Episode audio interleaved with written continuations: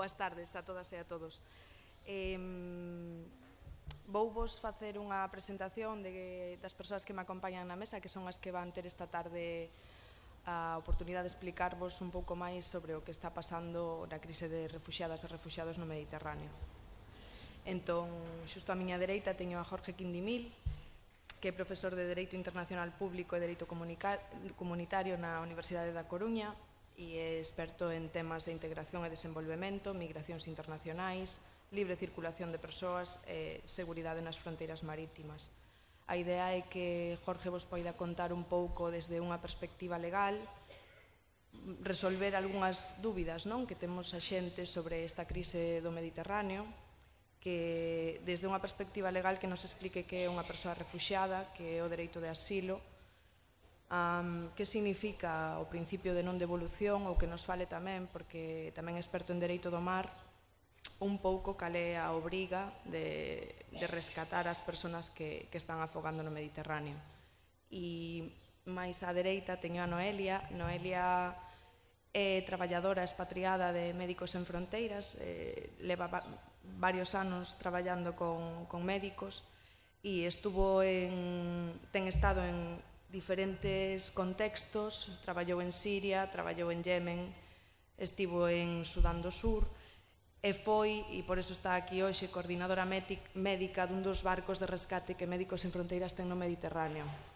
Entón, Noelia intentará chegarvos un pouco máis a realidade do traballo que Médicos Sin Fronteiras fai neses eh, barcos de rescate e trasladarvos tamén os testimonios directos das persoas que rescatamos no Mediterráneo, de onde veñen, que nos contan por que foxen dos seus países, eh, cales son as súas situacións personais, eh, que pasa en Libia, porque a maior parte das persoas que rescatamos no Mediterráneo veñen por Libia. Entón, por unha parte teremos o contexto máis legal e por outra a experiencia vivencial de Noelia, como dicía ao principio, para chegarvos eh, esta realidade das persoas eh, eh, da crise de persoas refugiadas no Mediterráneo. Eh, sen máis, pasolle a palabra a Jorge. Intentaremos, se queredes, eh, que unha vez que vos conten o que viñeron contarvos, se, que se tedes algunha pregunta poidades participar tamén para resolver calquera dúbida. Se máis pasovos a Jorge. Moitas gracias Laura, moitas gracias eh, en particular bueno, eh, a Inma, eh, que é a que personalmente invita a participar e sempre que podo, sabela ben que tanto na Facultade de Dereito como aquí eh, sempre me propoño participar, ¿no? sobre todo en cuestiones tan importantes como esta. Eh, como se adelantaba Laura, yo voy a marcar lo que es el contexto jurídico internacional, pero también europeo, del refugio, de los refugiados, del derecho de asilo, pero también de Frontex y lo que es el marco de la acción del salvamento y rescate de vidas en el Mediterráneo, para descender luego al terreno que es el que, como nadie conoce, Noelia. Eh, yo siempre que hablo de estas cuestiones me acuerdo de una frase de una película de Woody Allen eh, donde el protagonista, uno de los protagonistas decía, eh, amor mío, sobre el papel somos ideales, pero la vida no es papel. Y yo lo que os voy a decir seguramente es algo que es ideal y es cómo el refugio, cómo el derecho de asilo están regulados en el ámbito cómo están regulados en el ámbito internacional y comunitario e incluso en el nacional, porque el derecho de asilo está recogido también en nuestra Constitución española, pero como yo os adelantaré, pero sobre todo profundizará Noelia, en la práctica, en la realidad, esto dista mucho de ser ideal y estamos ahí con esas imágenes que nos vienen recurrentemente a los medios de comunicación a, eh, y ahora lamentablemente por el buen estado de las aguas del Mediterráneo del verano volverá a haber un año más seguramente pues eh, eh, bueno, pues, eh, muchos más barcos que se, que se hagan a la mar desde Libia, desde Turquía, fundamentalmente para llegar a Europa. Pero el punto de partida tiene que ser lo básico y lo elemental, y lo básico tiene que ser qué es un refugiado, porque esas personas que aparecen en los medios de comunicación, esas personas que incluso siendo niños, y ahora la preocupación es desde los últimos años especialmente por los niños, por los menores, pero también por las mujeres, todos recordamos las eh, imágenes, ¿verdad?, del pequeño Ailán muerto en aquella playa de, Turquía. ¿no? Eh, es, eh, ¿Por qué? por qué llegan esas personas o por qué quieren llegar a nuestras costas jugándose la vida, jugando la vida de ellos en primera persona, pero también la de sus niños, la de sus hijos, la de en general sus familias. Eh, un refugiado es una persona que huye, es una persona perseguida, es una persona, de acuerdo con el derecho internacional, fundamentalmente de acuerdo con el Estatuto de los Refugiados, es una persona que tiene fundados temores de ser perseguida en su país por razones de nacionalidad, por razones de ideología, de religión o de pertenencia a un determinado grupo social. Es decir, huyen por ser mujeres, huyen por ser cristianos, huyen por ser musulmanes, huyen por ser eh, opositores a un régimen y huyen de Siria fundamentalmente, de Eritrea, de Afganistán, de Irak, por citar solo algunos de los países que a día de hoy, desde el año pasado, son los países de origen de los refugiados que llegan a nuestras costas, a Europa. Por tanto, es gente que en su propio país es perseguida. Su propio país no les da protección. Entonces, ¿qué hacen? Huyen, cruzan la frontera, cruzan muchas fronteras en muchos casos para llegar a dónde? Para llegar, allí donde les pueden dar protección. Y aquí es donde quiero ya establecer una primera distinción de partida. Un refugiado no es un inmigrante económico, no lo es. Un inmigrante económico es aquella persona que busca una mejor condición de vida en otro país. Un refugiado, simple y llanamente, y permítame que sea con esto eh, irónico para destacarlo, es quien busca salvar su vida. No busca mejorar su vida, busca salvar su vida. Es por ello que de entrada tenemos que distinguir a un refugiado de un inmigrante económico, pero también hay que distinguir a un refugiado de un terrorista. Sabéis que de forma tendenciosa, de forma recurrente también en medios de comunicación y desde, eh, bueno, desde eh, eh, ciertas latitudes se busca esa asociación tendenciosa entre el refugiado y el terrorista. Eh, eso no puede estar evidentemente más lejos de la realidad, no solo porque no hay constancia de que haya terroristas, no se han detectado, no se han identificado, al margen de que es cierto que hay problemas de identificación, ¿verdad? Como luego seguramente nos contará Noelia, no siempre es fácil identificar a las personas que llegan en, barcos, en pateras, en cayucos, en las distintas modalidades, sino que eh, tampoco, desde los informes oficiales, ya sean de frontes, ya sean de los estados, ya sean de ONGs, se han identificado vínculos entre eh, los refugiados y los terroristas. Ojo, sí hay una vinculación indirecta pero no es la del refugiado, es la, vinculación que hay entre las mafias de traficantes de estas personas y eh, agrupaciones o grupos terroristas, porque sirven de vía de financiación para grupos terroristas. Es decir, en el fondo los traficantes de migrantes, de refugiados, de personas y los grupos terroristas, evidentemente, pues comparten intereses. Por tanto, un refugiado no es un terrorista, un refugiado no es un inmigrante económico, un refugiado es una persona perseguida, es una víctima. Y permítame que en este caso lo reduzca a una expresión que sea más gráfica. Son víctimas de guerras que huyen para salvar su vida, salvar la vida de su familia. Pero es que también son víctimas de mafias.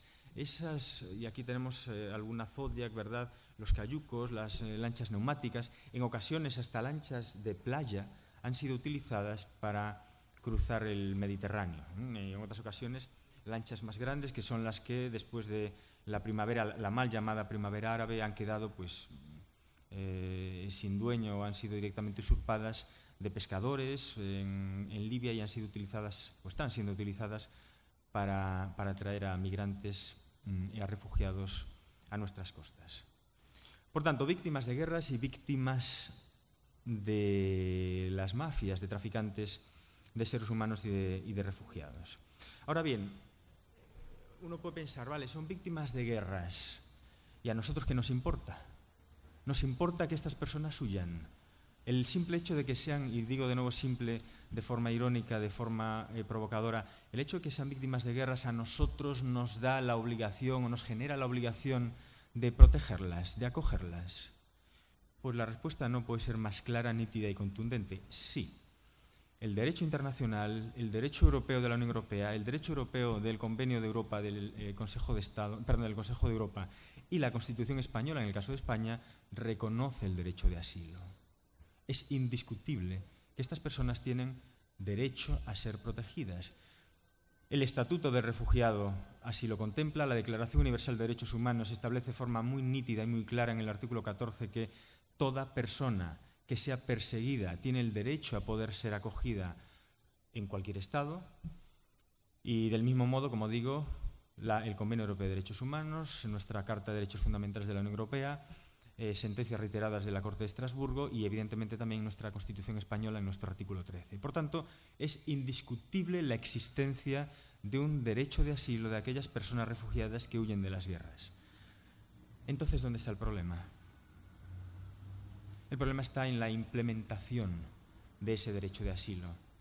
No es un derecho de aplicación automática porque los estados, y ya voy adelantando una de las ideas, los estados se garantizan el, carácter prestacional de este derecho. Es un derecho que le corresponde al Estado. Los Estados cuando redactan el Estatuto del Refugiado, no hay que olvidar que los tratados internacionales los redactan los Estados. Cuando se redacta, por ejemplo, también eh, la Declaración Universal de Derechos Humanos, se establece que son derechos de la soberanía del Estado. De hecho, el derecho de asilo es el derecho de asilo territorial. Aquí yo no voy a entrar en el derecho de asilo diplomático, que opera en el ámbito latinoamericano y evidentemente no juega en este ámbito. Es un, el derecho que sabéis se presta en el ámbito de las embajadas y en general misiones diplomáticas. El caso de Julian Assange, ¿verdad? Si recordáis, Julian Assange está en la Embajada de Ecuador en Londres. Eso es asilo diplomático. Y esto evidentemente es, es otro tipo de asilo, es el asilo territorial. ¿Y por qué se le llama territorial? Porque es el asilo que los estados conceden en el marco de su soberanía territorial. Con lo cual tenemos un problema, porque nos encontramos con un derecho que jurídicamente está perfilado como un derecho de soberanía, por tanto un derecho del Estado, con un trasfondo que es humanitario, que nos lleva a interpretarlo necesariamente como un derecho humano. Con lo cual tenemos un derecho soberano enfrentado a un derecho humano. La cuestión es cuál pesa más si estamos todos aquí hoy, si Inma ha montado todo esto con eh, ayuda de tantas ONGs y tantas personas, sí, pero bueno, si es porque eh, pesa más el derecho soberano que el derecho humano. Lamentablemente es así. Yo luego os hablaré en la segunda parte de mi intervención, la voy a articular en torno a 20 minutos. En los 10 últimos minutos os hablaré fundamentalmente de Frontex.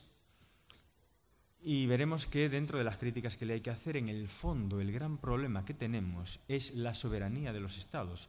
El control de las fronteras, el control de las fronteras marítimas en particular, sigue estando en manos de los estados. Los estados no quieren renunciar ni a la formulación de las políticas migratorias, ni al control de las fronteras, ni las terrestres ni las marítimas. Por tanto, si detrás tenemos al Estado soberano, tenemos un problema. Eh, Hablamos del Estado soberano, pero como sabéis en el ámbito de la Unión Europea, el asilo, el refugio, el control de las fronteras se ha ido sometiendo también a competencias comunitarias. Ahora bien, es una competencia compartida. La política migratoria, eh, lo que es en general la política de asilo, inmigración, visados y demás, y el control de fronteras, que es la dimensión, si queréis, física de esta política, es compartida. ¿Esto qué quiere decir? Quiere decir que la política está en manos de los estados. Los estados controlan las fronteras. Si vosotros viajáis en avión, si viajáis, bueno, lo normal es por avión, ¿verdad? ¿Quiénes controlan esas fronteras? ¿Quiénes os controlan el pasaporte? Pues las autoridades eh, nacionales. Fundamentalmente en el caso de España la policía y la frontera exterior la Guardia Civil. Ahí interactúan, interactúan ambos cuerpos, ¿no? Eh, la dimensión externa la policía, perdón, la Guardia Civil, la dimensión interna la Policía Nacional. Por tanto, competencia compartida, donde el núcleo duro es del Estado. Entonces, ¿qué es lo que hace la Unión Europea? Y lo que hace es fundamentalmente coordinar las políticas nacionales. Yo aquí no me puedo extender más que, en, y ni siquiera extenderme mucho, en lo que es la acción de la Unión Europea en la frontera marítima, porque aquí estamos hablando del Mediterráneo. Con lo cual, hablando del Mediterráneo en particular, tenemos que hablar de frontera marítima. Eh, yo aquí no me puedo extender en lo que son los distintos espacios marítimos que, hay. Eh, el mar está eh, dividido. Yo cuando a mis alumnos en clase les explico las fronteras, les digo que siempre tienen en mente las fronteras terrestres, ¿verdad? El mapa mundi clásico. Pero es que el mar también tiene sus propias fronteras. Y esas fronteras se dividen fundamentalmente en lo que es el mar territorial, que son las 12 millas, eh, y a lo mejor aquí adelanto algo de lo que luego eh, Noelia pueda comentar en relación, por ejemplo, dónde situaban ellos el Dignity, que es el barco en el que ya estaba, o cualquier otro, otro barco. El mar territorial hasta las 12 millas es competencia exclusiva del Estado, soberanía estatal. De las 12 a las 24 millas estamos hablando de la zona contigua. Eso es algo que en Galicia conocemos muy bien porque la zona contigua está pensada fundamentalmente para luchar contra determinados tráficos ilícitos. Y digo lo de Galicia porque es la zona que a nosotros nos ha servido históricamente para luchar contra el narcotráfico, ¿verdad? Estamos retrasando el control, retrasando la competencia de control de la Guardia Civil hasta las 24 millas, de tal modo que el narcotraficante que quiere meter, ¿verdad?, los alijos en la costa, tiene que ir separándose cada vez más de la costa. ¿Por qué? Porque el servicio de vigilancia de la Guardia Civil se amplía hasta las 24 millas.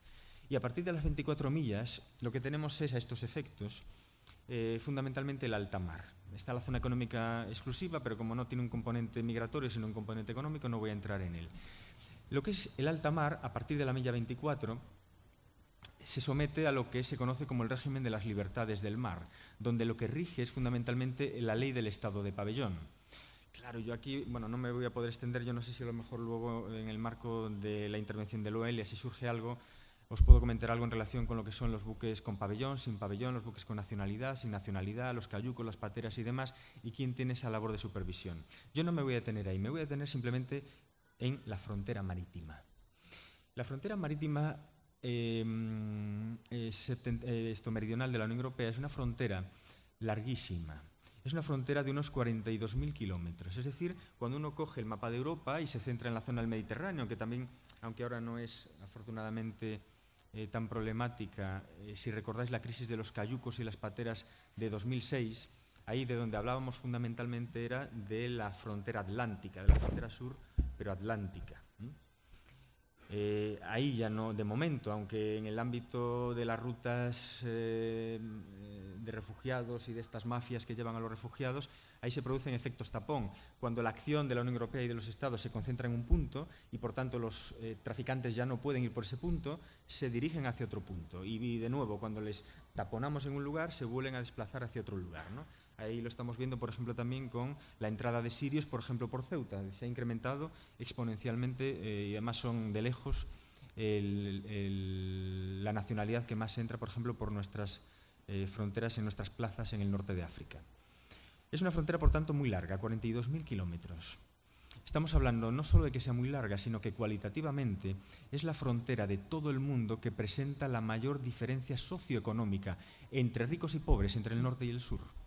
Estamos hablando de África y de Europa. Es, por tanto, la frontera donde tenemos la mayor diferencia económica, lo cual teniendo en cuenta cuál es la realidad de, los, de un determinado eh, número de inmigrantes, en este caso los económicos, genera una presión, en ese caso demográfica, también por el incremento de la población en el norte de África, y es algo que, mm, según las proyecciones, eh, eh, teniendo en cuenta el crecimiento poblacional, el crecimiento demográfico de estos países, va a ir incrementándose.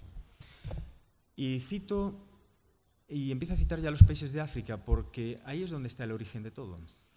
Eh, cuando se habla de la acción, por ejemplo, de Frontex en el Mediterráneo, se habla de lo que es la acción en la parte final, pero no en el origen. Mientras no incidamos en el origen, eh, no vamos a poder eh, adoptar soluciones adecuadas en esta materia. ¿Por qué?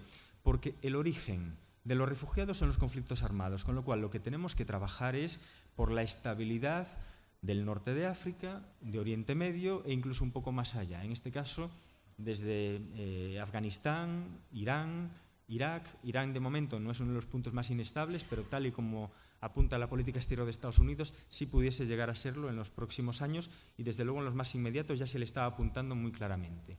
Con lo cual, lo que hay que trabajar es en la estabilización de esas zonas y evidentemente en el desarrollo, porque yo voy a hablar de la parte fundamentalmente de refugiados, conflictos armados, pero en la parte de inmigración económica también. Hay que trabajar a través de la política de cooperación al desarrollo, pero sabemos muy bien que, y quienes trabajáis en ONGs lo sabéis mejor que nadie, que en épocas de crisis lo que más se penaliza, desde luego lo que primero se penaliza es la cooperación al desarrollo. Y ya en la época de vacas gordas tampoco se trabajaba adecuadamente en la cooperación y el desarrollo. Estábamos, por ejemplo, muy lejos de aquel famoso 07, ¿verdad? Mm, y es, y ya voy terminando con la parte de la frontera, Una frontera que en el Mediterráneo se ha convertido en un verdadero cementerio. Lo comentábamos un poquito antes de entrar, es imposible saber el número de personas que han muerto en el Mediterráneo. Sabemos las que pueden ir llegando, sabemos las que pueden morir en las costas, sabemos algunas que puedan morir en, eh, en el Mediterráneo a borde de estos buques y de estas barcas, de estas barcazas o de estas lanchas neumáticas que no pueden aguantar una travesía de esta naturaleza. Pero no sabemos cuántas se han quedado. Las estimaciones hablan, por decir una de esas, cifras, de esas cifras que puede quedarnos en la retina y que nunca somos tampoco adecuados. si os fijáis, no suelo dar muchas cifras. No me gusta, no me gusta, y menos cuando hablamos de, de vidas y de seres humanos. Pero alguna hay que dar para que nos demos cuenta un poco de, los, de las dimensiones en las que estamos. ¿no? Se habla de que solo en este siglo, desde comienzos, eh, realmente la frontera marítima empieza a ser una preocupación para la Unión Europea en torno a los años 2002, 2003 y sobre todo a partir de 2005 con la creación de Frontex y ya 2006, por tanto hace 10 años, con la crisis de los cayucos. Pues en este periodo estamos hablando del hundimiento de 25 Titanics, más de 30.000 personas que puedan haber muerto, pero lo que decíamos antes, no podemos saber cuántas personas han muerto. La cuestión es que es una responsabilidad que tenemos como Estados europeos y como Unión Europea. Pero claro, para responder adecuadamente a esta realidad, a este fenómeno, tenemos múltiples problemas. Si no estamos respondiendo adecuadamente es por múltiples razones. En primer lugar, tenemos el gran problema que adelanté antes, que es el de la soberanía. En el fondo, esta es una materia que está en manos de los estados. Yo os voy a hablar de Frontex, sí, pero Frontex no es nada más que una simple agencia de inteligencia que lleva a cabo labores de coordinación entre agentes nacionales de fronteras y de guardacostas. Por tanto, en el fondo el problema es nacional y ahí con la responsabilidad que los ciudadanos le exijan a sus gobiernos. Y esta es una reflexión que yo quisiera hacer y que hago habitualmente también en clase con los alumnos y siempre que puedo. ¿Hasta qué punto las sociedades europeas realmente estamos concienciadas con este fenómeno? Yo, evidentemente, tengo eh, mi visión y os puedo adelantar, como os podéis imaginar, que no es muy optimista. En segundo lugar, si no estamos respondiendo adecuadamente es porque ya desde el punto de vista operativo eh, se ha ido incumpliendo por parte de las autoridades nacionales, y España es un ejemplo, y europeas en el contexto de Frontex, se ha ido incumpliendo un principio básico en materia de asilo, que es el principio de no devolución. Y me explico. El principio de no devolución es un principio básico del derecho de asilo. De hecho, es lo primero que quiere una persona que busca refugio, que busca asilo. ¿Qué es esto del principio de no devolución? ¿Qué es lo primero que quiere una persona que llega a nuestras costas, que llega a nuestros países? Lo primero, lo primero de todo es que no se la devuelva al país, o ya no solo al país del que huye y en el que es perseguida, sino tampoco a ninguno donde se la pueda devolver o que también pueda estar en peligro. Imaginaos que es una persona eh, copta a la que devolvemos a Egipto. Claro, aunque no venga necesariamente, puede venir de Palestina, puede venir de Israel, puede venir de lugares donde haya minorías también coptas. Claro, evidentemente lo que no va a querer nunca es eso, con lo cual el principio básico no devolución, es decir, no devolver a esa persona ya no solo al país donde está en peligro su libertad, su integridad física o su vida, sino tampoco a ningún país donde se pueda poner indirectamente en peligro esos derechos humanos un pequeño paréntesis, esta es una de las principales críticas al acuerdo, al mal llamado acuerdo, porque jurídicamente no es tal, de la Unión Europea con Turquía, porque Turquía no es un país seguro a los efectos del principio de no devolución. En relación con la no devolución, yo tampoco me voy a extender en algunos de los problemas que el mm, derecho de asilo ha ido planteando en el ámbito europeo, por ejemplo, y ahí España tampoco es buen ejemplo, las llamadas devoluciones en caliente. A lo mejor tenéis en mente esas imágenes de la valla eh, de Ceuta, por ejemplo, o de Melilla, donde entran por un lado los refugiados y enseguida se les devuelve por la otra puerta. Eso es ilegal, porque esas personas desde el momento en el que pisan territorio español tienen derecho a solicitar el asilo y por tanto tienen derecho a un análisis individualizado y pormenorizado de su situación. Y yo no sé ahora cómo están los plazos, pero mm, en el último año la cita para que esa persona pudiese eh, analizar por parte, o pudiese ser analizada su solicitud por parte de las autoridades españolas, la cita, digo, eh, la primera cita no era inferior a los cinco o seis meses. Y en esos cinco o seis meses entran en un limbo jurídico en el que pueden estar por territorio español. Pues bien, con las devoluciones en caliente se vulneran evidentemente esos, esos derechos. Y ya quiero ir terminando simplemente con unas ideas generales en relación con Frontex que luego me van a permitir, le van a permitir a Noelia un poco ya adentrarse en esa realidad que os decía de la migración y del rescate en, el Mediterráneo. Vamos a ver, Frontex es algo así como la respuesta de la Unión Europea a los problemas de gestión de las fronteras. Y digo fronteras en general porque la acción de Frontex es por tierra, mar y aire. Es en aeropuertos, en puertos y, eh, que es aquí lo que nos ocupa, también en las fronteras marítimas. Frontex nace como una agencia de inteligencia. Las principales críticas que se hacen a Frontex son precisamente en esta línea. Son porque es concebida como una agencia de inteligencia en, las manos o bajo mando fundamentalmente de inteligencia militar y de dotaciones militares donde por ninguna parte estaban los derechos humanos. De hecho, no se incorporan los derechos humanos al mandato de Frontex, que es creada en 2004 y entra en funcionamiento en 2005, hasta la reforma de 2011. Es decir, hasta 2011 no hay competencia de Frontex en materia de derechos humanos. Frontex no tendría por qué tener ningún tipo de responsabilidad en materia de derechos humanos, digo, de acuerdo con la normativa europea hasta entonces. Consecuencia, si tenemos a una agencia que se tiene que enfrentar a una realidad humanitaria donde los derechos humanos están en liza, en riesgo y donde directamente son vulnerados, nos encontramos con que la acción de Frontex desde luego no va a ser la ideal.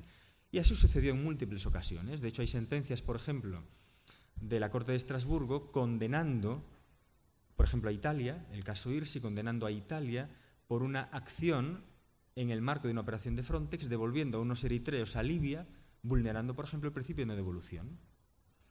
Eso se ha ido cambiando, se ha ido modulando, se han ido eh, incorporando competencias de Frontex en materia de derechos humanos mm, a través de una serie de mecanismos que, en mi opinión, y no solo en la mía, sino de mucha gente, son todavía insuficientes, pero que duda cabe, son una evolución, pero distan mucho de ser lo ideal. Se ha ganado en transparencia también, se ha ganado en rendición de cuentas, por ejemplo, ante el Parlamento Europeo, pero en cualquier caso sigue sin haber, dentro de lo que es la normativa europea, por ejemplo, no hay entrada al papel de ONGs en el marco de la acción de Frontex, por ejemplo. ¿no? Esa es una de las demandas que yo creo que en algún momento sí se debería poner encima de la mesa. Y ya voy terminando. Yo os decía que Frontex es la respuesta de la Unión Europea a los problemas que hay en las fronteras y fundamentalmente en el Mediterráneo. Pero no es la Unión Europea la que actúa son los estados los que actúan y la Unión Europea lo que hace es, en el marco de Frontex, es gestionar, es coordinar. De hecho, no se puede llevar a cabo una operación de Frontex sin el consentimiento de los estados. Ahora es verdad que en la modificación del reglamento de Frontex de septiembre del año pasado, en situaciones de emergencia se abre la posibilidad a establecer normas obligatorias para los estados. Si tenemos en cuenta también que este reglamento, que esta modificación de Frontex de septiembre fue adoptada por unanimidad, hay que entender que tenemos las bases, otra cosa es el desarrollo que vayan a tener, para poder empezar a establecer obligaciones sobre los estados en materia de fronteras. Pero o mucho me equivoco o muy poco sé derecho internacional, bueno, en este caso es cierto, sé muy poco derecho internacional, entiendo que no va a haber un desarrollo adecuado de esta materia, con lo cual los estados se van a seguir garantizando la última palabra en materia de gestión de fronteras y, por tanto, la última palabra a la hora de actuar salvando y actuando en favor del rescate de vidas en el Mediterráneo. Y ya por último, comentábamos la obligación de auxilio en el mar. Estamos hablando de que estas personas cruzan el Mediterráneo en buques, a veces buenos. Hago un pequeño paréntesis, aquí seguramente Noelia os puede dar muchos mejores detalles. Estas personas que cruzan el, Mediterráneo son víctimas de mafias a las que les pagan dinero. Les pagan dinero en función de su capacidad económica y en función de su capacidad económica también tienen un eh, mejor o un peor traslado o, mm, sí, traslado eh, a través del Mediterráneo. De entrada, los que más dinero tienen pueden llegar a pagarse un billete de avión, hasta 10 o 12 mil euros o dólares que pagan las mafias por un billete de avión que te sitúa en distintos puntos del continente europeo.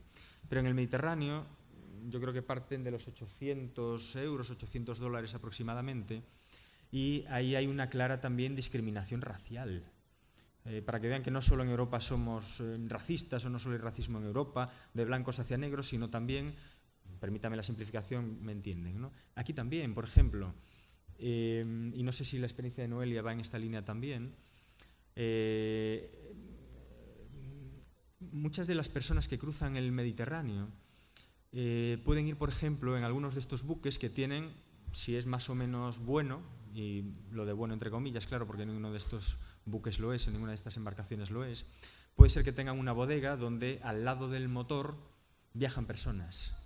Y yo no sé si me equivoco o si los informes que he leído son incorrectos, pero ahí suelen ir precisamente personas de color y a lo mejor los sirios, los tal, suelen ir arriba también y por tanto a veces hasta por los gases del motor fallecen. Es decir, las condiciones a las que las, mafi que las mafias eh, imponen o a las que someten a estas personas son terribles, por no hablar de la violencia que hay, sobre todo en la zona de Libia, que yo creo que esta es la que quizás seguramente mejor pueda conocer eh, Noelia, porque ahí las mafias son brutales, desde matar a palos a un, a un, refugiado que se mueve, simplemente se desplaza de su lugar en la, en la barcaza, matarlo directamente a palos, hasta obligarles a subir a punta de Kalashnikov.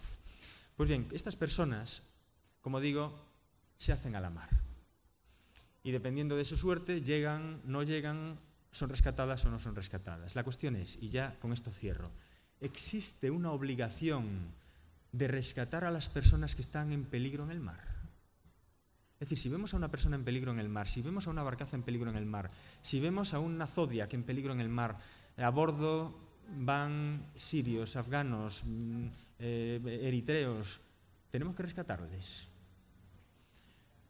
Antes también hablábamos de las normas en derecho internacional que establecen esta obligación. Efectivamente, el derecho positivo, normas internacionales, tratados internacionales establecen esta obligación eh, la Convención de Naciones Unidas de Derecho del Mar, el Convenio SOLAS, que es el de salvamento mmm, de vida en el mar, el Convenio SAR, que es el de salvamento y rescate, establecen esa obligación de rescate en el mar de cualquier persona en cualquier circunstancia y evidentemente con independencia de su condición jurídica, es decir, de si es legal o si es ilegal esa persona, si está cruzando legal o ilegalmente el mar.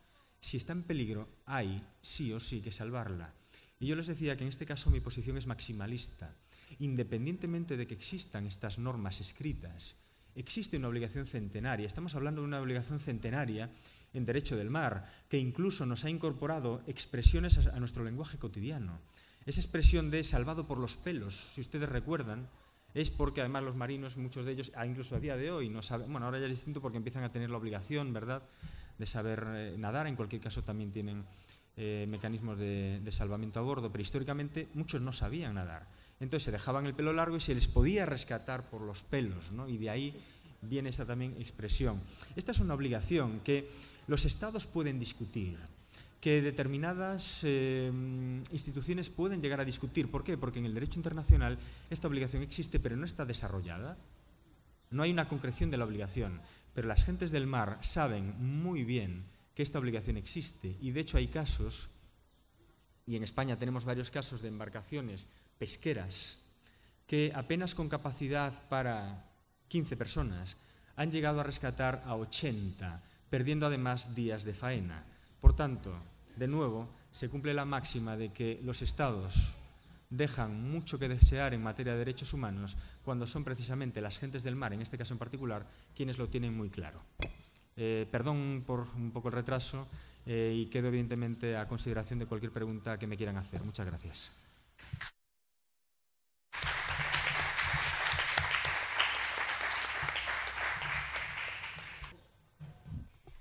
Buenas tardes a todos.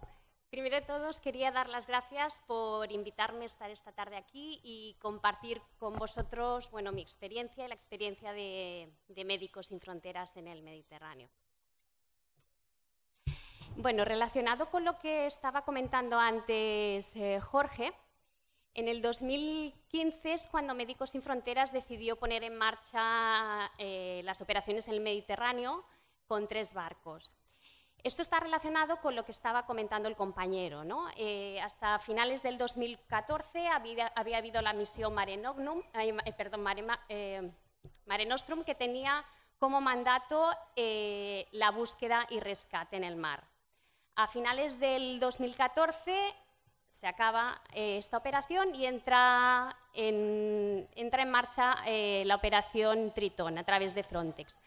Eh, la cual no tenía como mandato eh, la búsqueda y rescate de, personas en el mar. Y entonces ahí eh, Médicos Sin Fronteras decide entrar con estos tres barcos, con el Burgon Argos, el Dignity y el Fénix. yo tampoco quiero dar muchos números, pero ya solo, o sea, daros tres, tres números, que son las cifras que se rescataron en el 2015, alrededor de 23.000 personas, 2016 alrededor de 21.000 personas y en lo que llevamos de 2017 pues casi 13.000 personas. Hoy mientras comíamos le preguntaba a Laura que cuál es la población de La Coruña y ¿alguien me lo puede decir? 250.000 personas. Pues esto significa que una quinta parte de la población de La Coruña ha sido rescatada durante estos dos años y medio, ¿no? Y también, bueno, muy bien lo que decía Jorge, ¿no? que no sabemos realmente las cifras de las personas que han muerto en el mar, ¿no? pero lo que llevamos del 2017 más o menos, eh, creemos que más de 1.800 personas han muerto ahogadas. Esas son las que se vemos, pero probablemente hay muchas, muchas más. Em, os, he puesto este mapa para indicaros un poquito eh, dónde estaba situado nuestro barco. El Dignity estaba más o menos a 30 millas de la costa de Libia, más o menos donde veis en el mapa Trípoli, pues trazando, digamos, una línea recta unas 30 millas. ¿vale? Estábamos en aguas internacionales y estábamos todo el tiempo patrullando la costa. Eh, ¿Cómo hacíamos los rescates? Pues podía ser que los encontráramos por búsqueda activa, o sea, eh, todo el, equipo estaba bueno, con binoculares, estábamos pendientes de si se veía alguna patera, pero al mismo tiempo estábamos coordinados con el Centro Marítimo de Coordinación de Roma. ¿vale? Ellos eran los que recibían las, las alertas de cualquier barco que estuviera en peligro. Eh, las mafias, no sé si sabéis, pero bueno, eh, están muy bien organizadas eh, y a bueno, todas las personas que iban en la patera les daban un teléfono satelital. Entonces les decían, bueno, más o menos cuando lleguéis a esas luces se os estará acabando la gasolina más o menos y podéis marcar este número. Era el número de teléfono del Centro de Coordinación Marítimo de Roma. Entonces indicaban la posición en la que estaban y este centro de coordinación marítimo de Roma miraba el barco que estaba más cerca y les llamaba, bueno, o en, este caso nos llamaba, si éramos los que estábamos más cerca, para ir a socorrer al barco que estaba en peligro. Em, normalmente habían dos tipos de embarcaciones, ¿de acuerdo? Las más comunes eran estas, eh, he puesto esta foto, quería poner otra porque esta no era la realidad. O sea, la mayoría de veces la gente no venía con chalecos, ¿de acuerdo? Y tal y como comentaba el compañero, esto de sacar por los pelos, pues era así. La mayoría de veces la gente no sabía nadar, con lo cual estaban 12 horas o más en alta mar sin saber nadar, ¿de acuerdo? Y el riesgo de, de naufragio era muy elevado. Entonces, bueno, lo primero que hacíamos era llevar eh, chalecos salvavidas y hasta que, todo, hasta que todo el mundo no tenía el chaleco salvavidas nos empezaba el rescate. Pero bueno, esto os lo explicaré más adelante. Entonces, como decía, había dos tipos de embarcaciones. Esta que era la más común, que podía caber más o menos cuántas personas, creéis. ¿Quién se anima? 60, 70. ¿Quién da más? ¿Cuántas? Más o menos, unas 120, 130 personas, ¿de acuerdo? Y menos frecuente, pero también nos encontramos este tipo de embarcaciones, ¿de acuerdo? que en este tipo de embarcaciones, ¿cuánta gente más o menos os pensáis que podía transportar?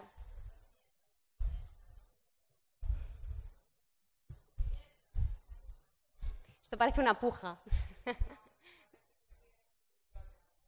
bueno, pues solían ir de media 700 personas. Y tal y como comentaba Jorge, eh, el motor del barco está en la parte de abajo y quien tenía la posibilidad de pagar menos dinero, pues iba en la bodega. Y eh, bueno, eh, pasó más de una vez que algunas personas de las que iban en la bodega murieron asfixiados. ¿De acuerdo? Entonces, ¿cómo se producían los rescates? Eh, como os he comentado, nos llamaban del Centro de Coordinación de Roma y nos decía que había un bote que necesitaba auxilio, entonces nos dirigíamos hacia la zona donde estaba eh, la patera. Y lo primero que se hacía es mandar una lancha que llevaba, hacía varios viajes para asegurar que todas las personas tuvieran chaleco. Y en esa primera lancha iba una figura, una, una persona que era el mediador cultural. Esta persona es súper importante porque era una persona que hablaba varios idiomas y nada más acercarse les intentaba tranquilizar y explicarles quiénes, éramos. Como comentaba antes Jorge, eh, muchos de ellos venían de Libia y en Libia pues, han sido apaleados, las mujeres han sido violadas, o sea, se han vulnerado sus derechos. Y muchos estaban atemorizados y no sabían quiénes éramos. Podíamos ser la policía, podíamos ser eh, los eh, traficantes libios. Entonces era muy importante tranquilizarles y decirles que éramos Médicos de Fronteras, que éramos una organización médico-humanitaria y que les íbamos a rescatar. ¿De acuerdo? Y en ese primer movimiento pues hacía esto. Se llevaban los chalecos y luego poco a poco íbamos trayendo a la gente. Primero, si había alguien muy grave, lo traíamos en el primer movimiento de lancha junto con las mujeres y los niños. Una vez que eh, ya se había rescatado a todo el mundo, lo que hacíamos, no se ve muy bien, pero en el borde inferior derecho poníamos rescue. ¿vale? Rescue es rescatada en inglés. Esto lo hacíamos por si algún otro barco encontraba la patera, que supiera que esa, esa, gente no había muerto ahogada, sino que había sido rescatada. Y dejábamos la barca, ¿vale? Porque nuestro, digamos, nuestro mandato pues no era pinchar la, barca y evitar que los contrabandistas la reutilicen, que quizás lo hacían. O sea, lo que a nosotros nos importaba era salvar las vidas y dejamos la barca tal cual.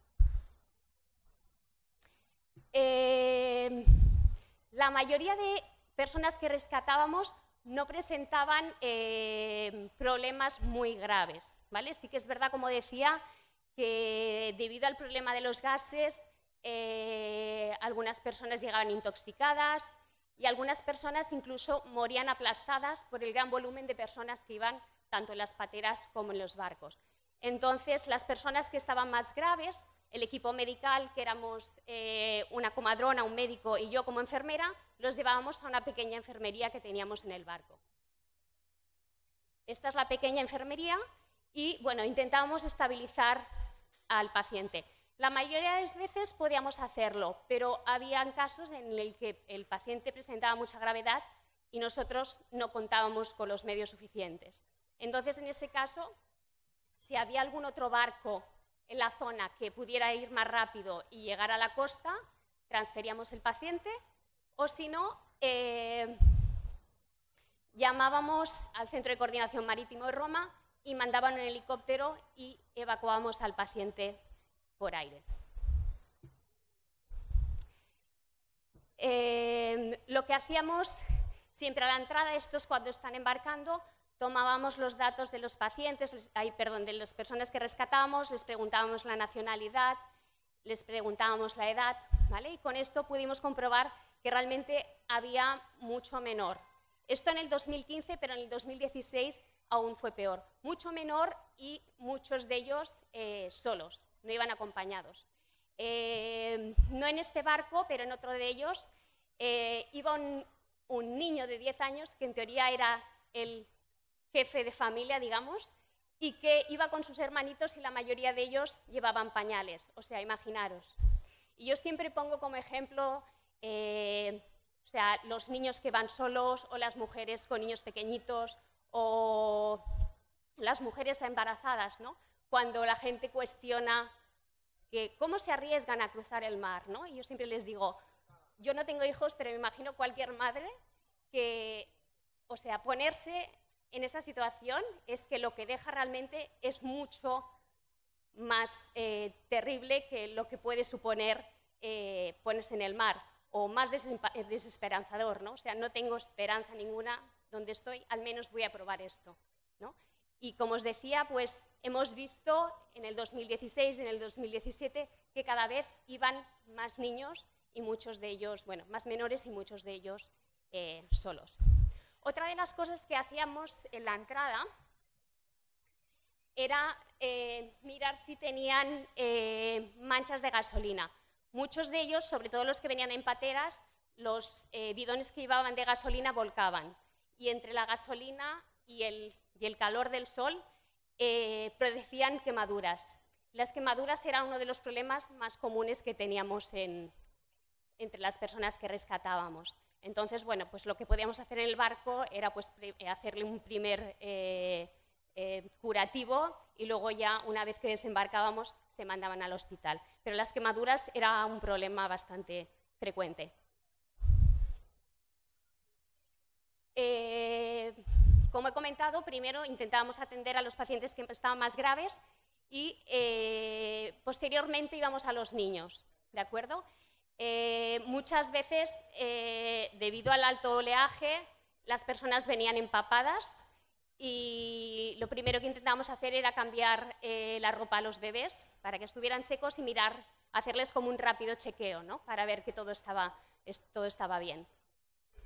Y posteriormente lo que hacíamos era comprobar las temperaturas para ver que no hubiera ningún, ninguna persona con ninguna otra enfermedad que pudiera tener eh, síndrome febril asociado y eh, mirar la piel. ¿vale? Uno de los problemas más frecuentes también que encontrábamos era eh, la sarna. No sé si, habéis estado alguno de vosotros en la charla de esta mañana, ¿no? pero hablaba, hablaban de enfermedades de piel.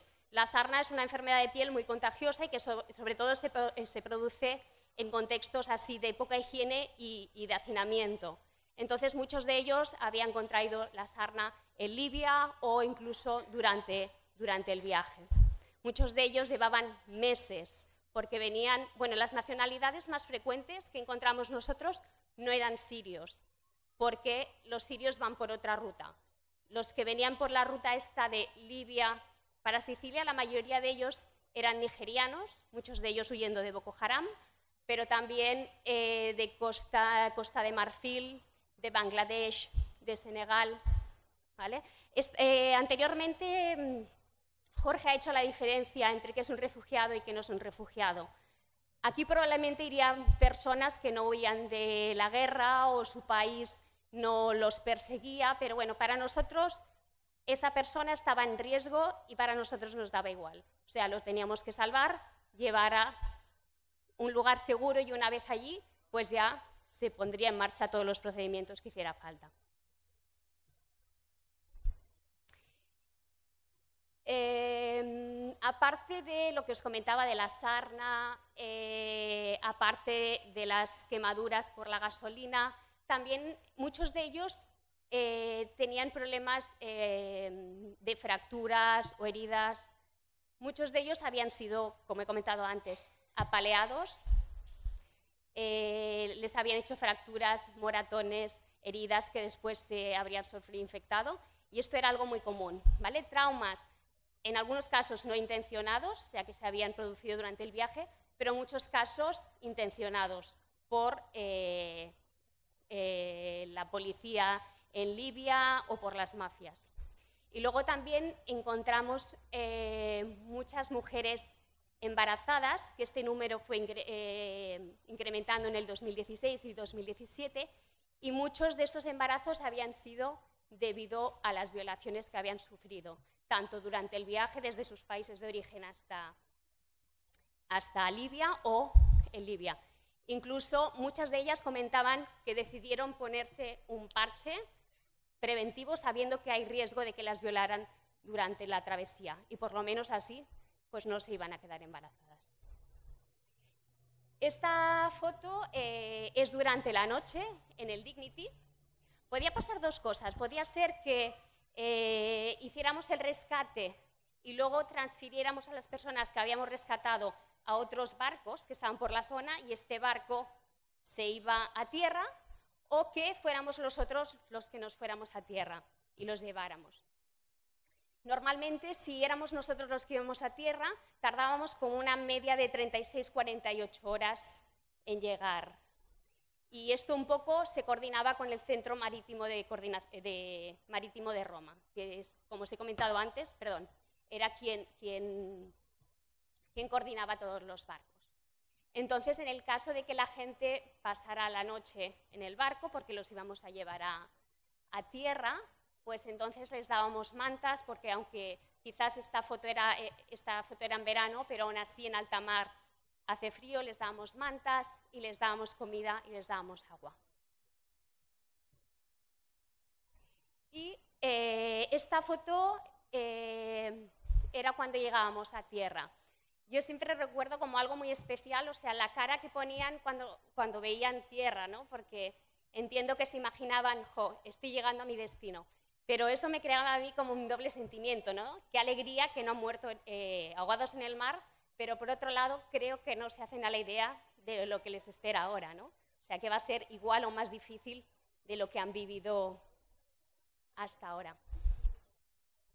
Y bueno, y por eso, eh, por todo lo que he comentado, por todo lo que ha comentado Jorge, pues bueno, lo que se está pidiendo desde Médicos Sin Fronteras es vía vías legales y seguras para que todas estas personas eh, no tengan que morir en el mar, ¿no?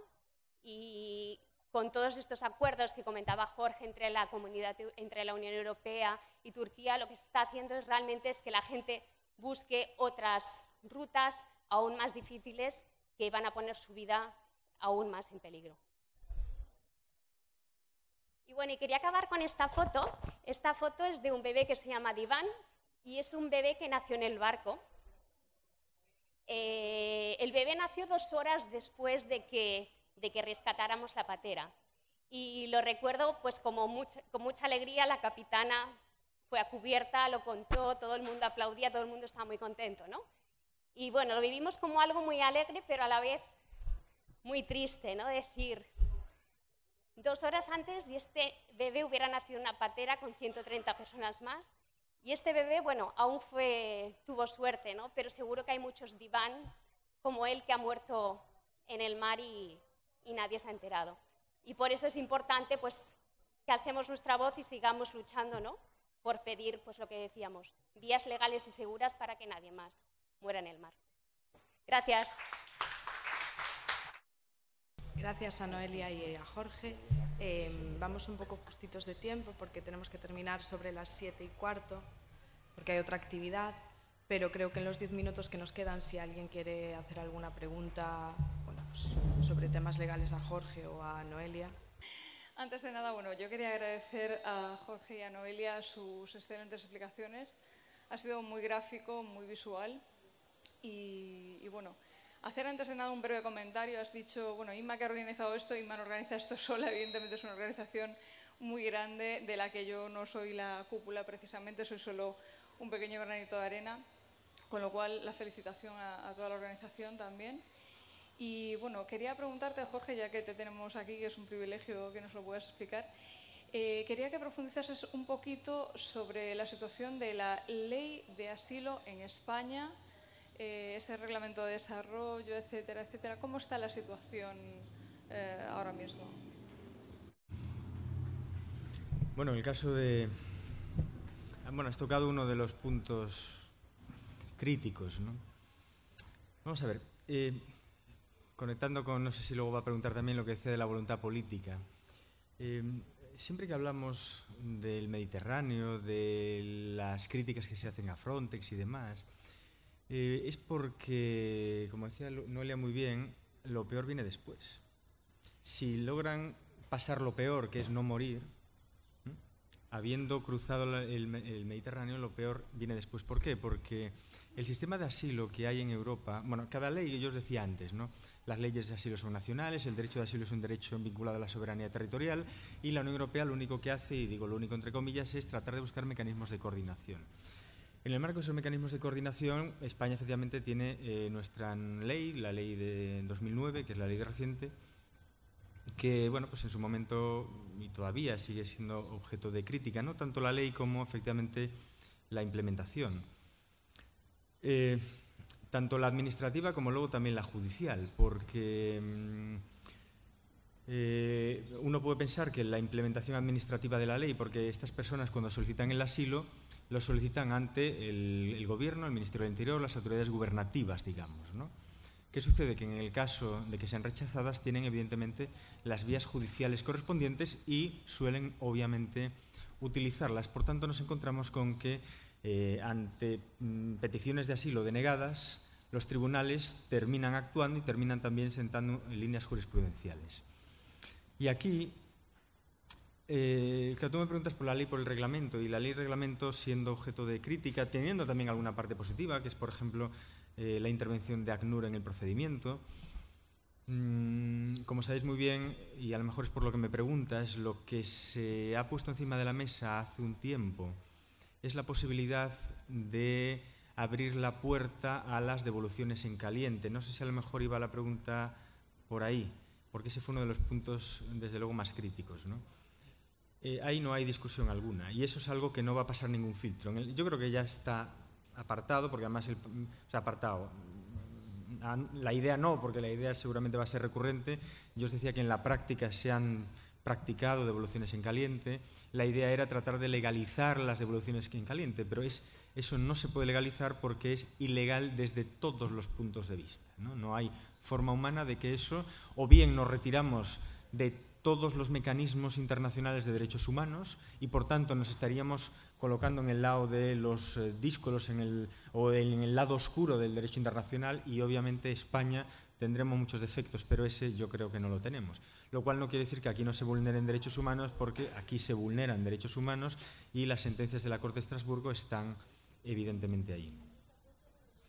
Eh, el problema del derecho de asilo eh, siendo un problema la ley, siendo un problema desde luego el reglamento, lo que se quiere hacer de legalizar eh, en regímenes de devolución caliente que son abiertamente ilegales. Más allá de eso, el problema en el día a día es, desde luego, de aplicación del derecho de asilo, porque son muy pocas las solicitudes de asilo, como sabéis, que se conceden. Primero, ojo, partimos de que en España en particular, y es la pregunta en el caso de España, España tiene uno de los menores índices de solicitudes de asilo de toda Europa. Estamos algo así como en el, no sé, puerto 14 o el 15, en la mitad de la tabla, pero estamos, eh, si no me falla la memoria, en menos del 1% de todas las solicitudes de asilo en la Unión Europea. Se llevan la palma Alemania, que es la primera, Suecia, eh, Italia, Hungría, Reino Unido. España estamos al final de todo. El problema del asilo es de prueba. Porque yo os decía, para conceder el asilo tenemos que demostrar que somos objeto de o sujetos de persecución en el estado del que venimos. Tenemos que demostrar que tenemos un temor fundado de persecución. ¿Cómo lo demostramos? Pues lo podemos demostrar bueno, primero tenemos efectivamente que contar con intérpretes, tenemos que muchas veces estas personas no llevan documentación, ahí las personas a bordo de los distintos buques tienen que poder identificar a esas personas y luego hay que determinar mm, de dónde vienen y de qué tipo de religión, de etnia o cuál es en definitiva el temor fundado que hay. Yo os pongo simplemente un par de ejemplos. Y uno de ellos, y ya con esto termino, no me quiero extender demasiado en la respuesta, eh, de hecho, solo os voy a poner uno de los ejemplos que a mí me parece más terrible, en relación con la aplicación en España de nuestra ley de asilo, por parte en este caso de un Tribunal Superior de Justicia, yo no quiero mentir, yo creo que era canario, o, creo que era canario y luego el tema llegó al Supremo. Pedía asilo en España una niña que iba acompañada de su hermana. Eh, junto con sus padres, evidentemente, pero digo lo de las hermanas por lo siguiente, porque se pedía el asilo alegando que venían de un país, en este caso Etiopía, donde tenían el temor de ser sometidas, y en particular la hermana, a la mutilación genital. Si uno lee el Estatuto del Refugiado, estrictamente no se habla de la mutilación genital, pero sí se habla de la pertenencia a un grupo social. Dependiendo de cómo se interprete lo de grupo social, se puede entender que una mujer es grupo social, una niña es grupo social y una niña que pueda ser objeto de mutilación genital es evidentemente grupo social. Ahí es donde digo que el problema está ya no solo en la prueba, sino en la implementación. Y fijaos, en primera instancia se le denegó el asilo, porque no aportaba pruebas suficientes cuando su hermana había sido mutilada genitalmente. Es decir, que en definitiva eh, la ley es un problema, el reglamento es un problema, pero la aplicación de la ley por nuestros tribunales muchas veces también es un problema. ¿Alguna, ¿alguna otra pregunta? Dices que, eh, o sea, en España se han hecho devoluciones en caliente, ¿no? Y no se ha juzgado. Eso. ¿Por qué? El tema de la responsabilidad internacional en materia de derechos humanos es también uno de esos grandes caballos de batalla, ¿no? Es decir, claro que estáis tocando alguna de las cuestiones críticas que para nosotros los que nos dedicamos a explicar derecho internacional eh, es a veces frustrante, ¿no? Vamos a ver sí hay condenas a estados por vulneración de derechos humanos, a España, a Italia, etcétera. Sí las hay. Sí las hay. En el caso de España, por ejemplo, en relación fundamentalmente con centros de detención, con los famosos CIES, ¿verdad?, de los centros de internamiento de extranjeros, que aquí no podemos, eso ya solo daría también para una historia. Con lo cual, sí hay mecanismos, o sea, no se juzgan todos los casos de vulneraciones de derechos humanos. Eso es cierto. ¿no? Eh, hay un nivel de impunidad mm, eh, seguramente excesivo eh, y desde el momento en el que queda una simple vulneración de derechos humanos sin juzgar, eso ya es excesivo seguramente. ¿no? Pero a partir de ahí lo que sí es verdad es que hay muchas ONGs que en materia de derechos humanos están actuando en esa vía. Yo hay una con la que trabajo, antes lo preguntaba también, con la que siempre que puedo también colaboro, que es CEAR, la Comisión Española de Ayuda al Refugiado. Y ahí me consta que están haciendo extraordinarios esfuerzos, porque claro, las ONGs depende, cada una se dedica a lo que se dedica, porque es, todos los frentes son muy difíciles de cubrir. Y en la dimensión jurídica eh, tampoco son tantas las que llevan a cabo estas acciones, pero desde luego sí que las hay. CEAR es una de ellas, ¿no? porque además tiene un componente ahí de, eh, jurídico muy, muy potente. Ahora bien, eh, he de decir, por terminar por la parte positiva, que sí hay condenas, y hay condenas a España, ¿eh? hay condenas a Italia. Yo expuse antes un caso, el caso en relación con el tema que nos ocupa en particular, donde sí se ha condenado a Italia. Y de hecho, una de las modificaciones, de hecho la de 2016 de Frontex, tiene que ver con... Es más, se llegó a anular la decisión fronteras marítimas que había previa al reglamento, se llegó a anular por vulnerar los derechos humanos. Es decir, se van haciendo cosas y se van consiguiendo cosas. Ahora bien, ¿es suficiente? Por supuesto que. ¿no? Pero bueno, lo que en materia de derechos humanos, la conquista de los derechos humanos, la unidad de tiempo es la década, eh, como mínimo. Y yo ya diría incluso no de la década, sino a veces hasta el siglo. ¿no? Las conquistas de derechos humanos son francamente complejas. ¿no? Pero bueno, estamos mejor que estábamos en cualquier caso, ¿eh? aunque muy lejos, obviamente, de que sea satisfactorio. ¿no? Bueno. Vale, pues solo por cerrar, eh, recogiendo las palabras de, de Jorge y de Noelia, eh, Jorge empezó diciéndonos que las personas refugiadas no son terroristas, son personas que huyen de situaciones económicas, políticas, de persecución, de conflictos armados y que sí tienen derecho a asilo. Y la Unión Europea y sus estados tienen la obligación de protegerlos y de no devolverlos a los países de los que huyen.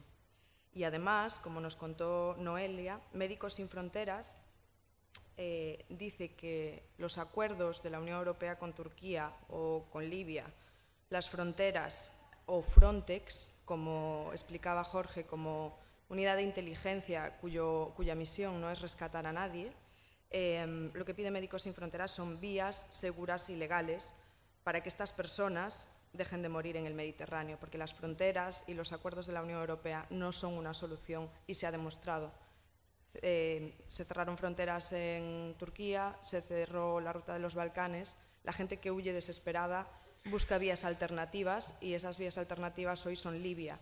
Y como decía Noelia, Libia es el horror. Eh, hay centros de detención, la gente se pasa un año esperando en Libia a poder pagar a las mafias para poder atravesar el Mediterráneo. Hay violencia, hay violaciones, hay condiciones de esclavitud, hay trabajos forzados. Entonces, los muros y los acuerdos para cerrar eh, fronteras no funcionan. Lo que necesitamos son vías legales y seguras. Gracias a todos por estar aquí esta tarde y gracias a Campa y a todas las personas voluntarias que lo hacen posible uh, por habernos traído aquí.